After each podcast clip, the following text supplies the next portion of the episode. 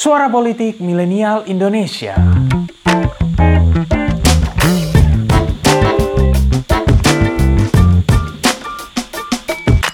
Membangun kedatuan ini dengan darah dan nyawa. Hmm, aku pengen penerusku kaget punya semangat macam itu.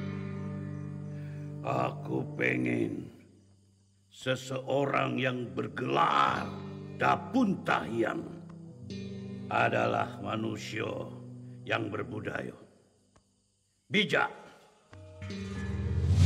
Ini adalah potongan dialog antara Dapuntah yang Sri Jayanasa, beberapa sumber lain menyebutnya Sri Jayanaga, yang merupakan sosok yang disebut-sebut sebagai pendiri kedatuan Sriwijaya. Ini dialognya dengan sang anak Purnama Kelana dalam film Gending Sriwijaya karya sutradara kondang Hanung Bramantyo. Jangan lupa ditonton ya kalau kalian belum menyaksikan filmnya. Film ini mungkin menjadi salah satu puzzle kecil dari keseluruhan misteri kedatuan Sriwijaya yang oleh banyak orang disebut sebagai Kerajaan Sriwijaya atau bahkan ada yang menyebutnya sebagai Imperium Sriwijaya. Pasalnya, eksistensi negara yang satu ini masih terus diperdebatkan oleh para ahli sejarah.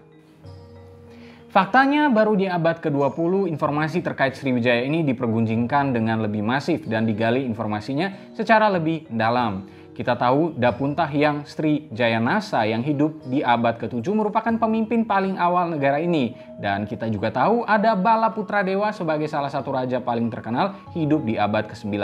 Namun puzzle genealogi penguasa Sriwijaya masih menyimpan banyak misteri besar di waktu-waktu selanjutnya. Yang jelas, Sriwijaya berakhir di abad ke-12. Banyak ahli juga percaya bahwa di masa jayanya, Sriwijaya sebagai kedatuan atau kerajaan atau apa pun lah itu sebutannya, menjadi salah satu hub perdagangan di Asia Tenggara, termasuk juga dalam konteks penyebaran agama Buddha.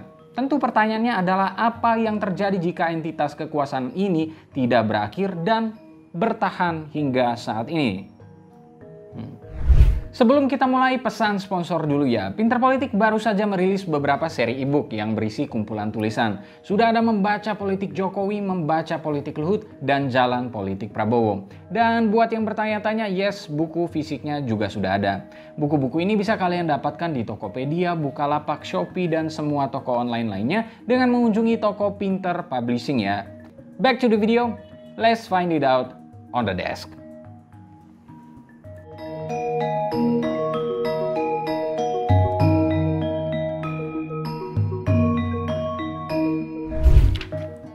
Seperti sudah disinggung sebelumnya, perdebatan terkait status Sriwijaya memang sedang panas-panasnya beberapa waktu lalu. Salah satunya ketika budayawan Betawi Ridwan Saidi menyebutnya sebagai kerajaan yang fiktif.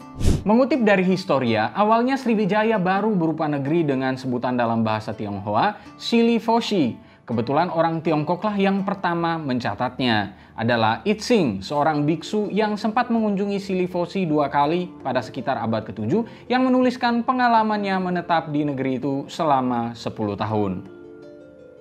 Dalam catatan Itsing, nama Silifosi digunakan untuk menyebut negara, ibu kota, dan sungai yang muaranya digunakan sebagai pelabuhan. Slamet Mulyana dalam Sriwijaya menjelaskan bukan hanya Itsing yang menyebutnya begitu. Pada masa dinasti Tang, itulah sebutan bagi Sriwijaya dalam catatan resmi kerajaannya.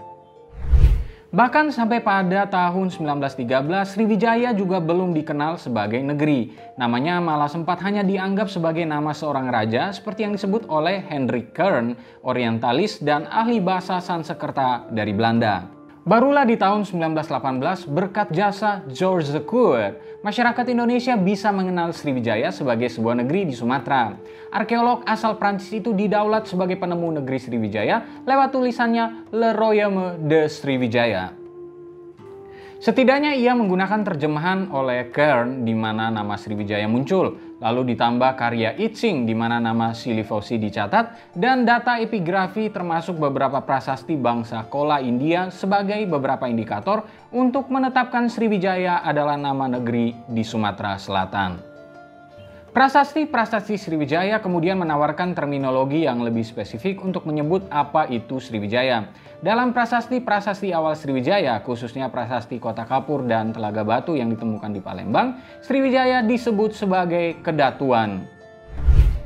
Prasasti Telaga Batu yang baru dipublikasikan peneliti dari Belanda, J.H. de Kasperis pada 1956 bahkan menggunakan jabatan-jabatan pangkat yang mungkin sekali ada di dalam struktur pemerintahan dan kemasyarakatan Sriwijaya, mulai dari putra raja, menteri, bupati, panglima, dan lain sebagainya.